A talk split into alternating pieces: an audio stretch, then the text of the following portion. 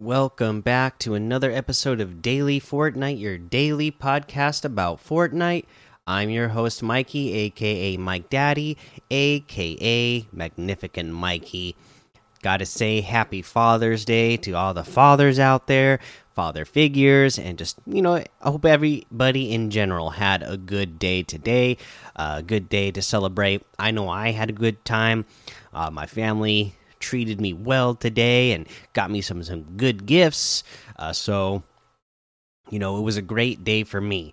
Uh, but in terms of Fortnite, you know, uh, you know, it's just a good fun day to play Fortnite. But really, not any news to talk about. So, uh, you know, no, nothing new was released today or no news was released today so uh, we can just go ahead and get right into the ltms and see what's in here today uh, we got Team Rumble, the Power Tiny Town, the 222 levels default Death Run, the Pirates Flotilla, and Battle Lab. Uh, for challenges, uh, where did we leave off? Uh, you need to uh, search for a graffiti covered wall at Hydro 16 or near Catty Corner. Okay, and so if you go uh, Hydro 16, again, that is the uh, big dam that is you know west of Misty Meadows or east of uh, Slurpy Swamp, kind of right in between them.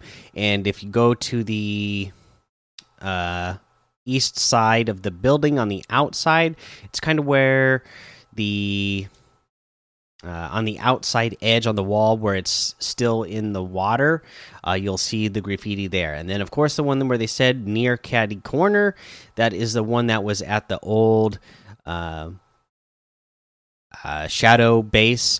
And you go here. We've already done a challenge here where you got to go talk to a character, right? And this is one of the characters you could talk to, I believe, is uh, for that challenge.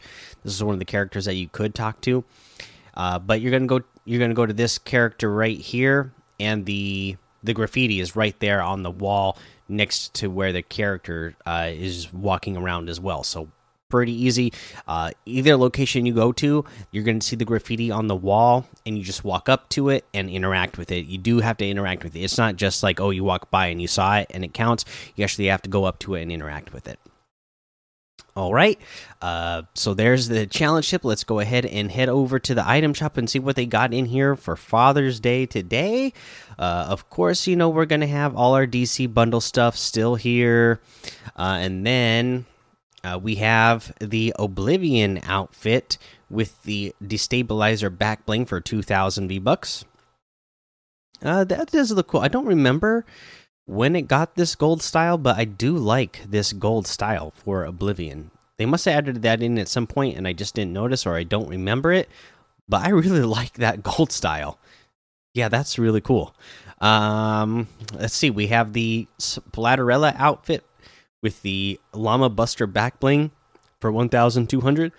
We have the Black Violet wrap for 500. The extraterrestrial emote for 500 uh, the Phone It In emote for 800, the Amazing Cube emote for 200. We have the Bush Ranger outfit with the Buzzy Bag backbling for 1,200. You gotta love that one. The Honey Hitters harvesting tool for 800. The Doggo outfit with the Chow Down backbling for 1,500. The Doggy Bag backbling for 200. The Chew Toy harvesting tool for 500. The Rough Wrap for 300 uh, we got the Hit It emote for 500. We get the Etheria outfit with the Crystal Spirit back bling for 1,200.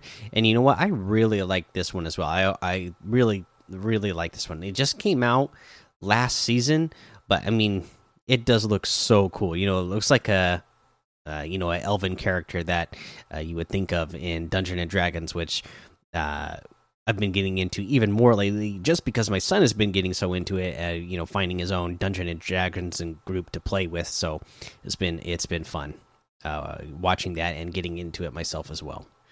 Uh, so I like these kind of uh, Dungeon and Dragons uh, type of looking characters that they've had in the game.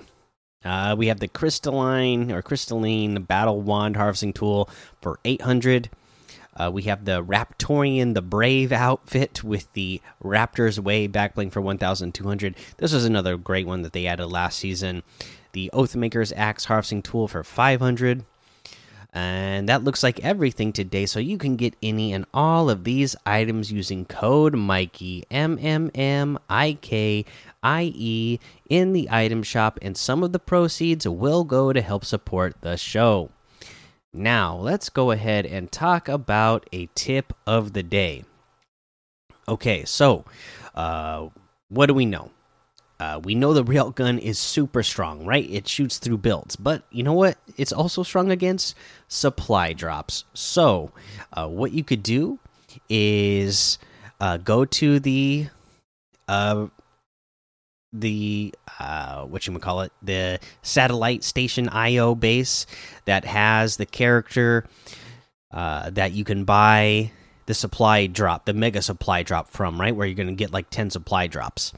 Uh, get a rail gun. Uh, and you know, before you go here, you might want to go to an area where you can get spaceships. And you know, there's spaceships that will drop at Steamy Stacks, uh, over you know at the Wood Lodge. Uh, there's there's a few places where uh, you can potentially just get uh, spaceships on the ground, or you know if you're lucky, one of the uh, POIs nearby will have uh, you know, it'll be one of the destinations that has flying around spaceships. You can go there, and this is going to be especially good if you're flying around with a squad, right? So you're going to go get a couple of spaceships. Somebody, uh, you know, a couple of you will get your spaceships, be hanging around at the spaceship, buy these, uh, buy the mega supply drop.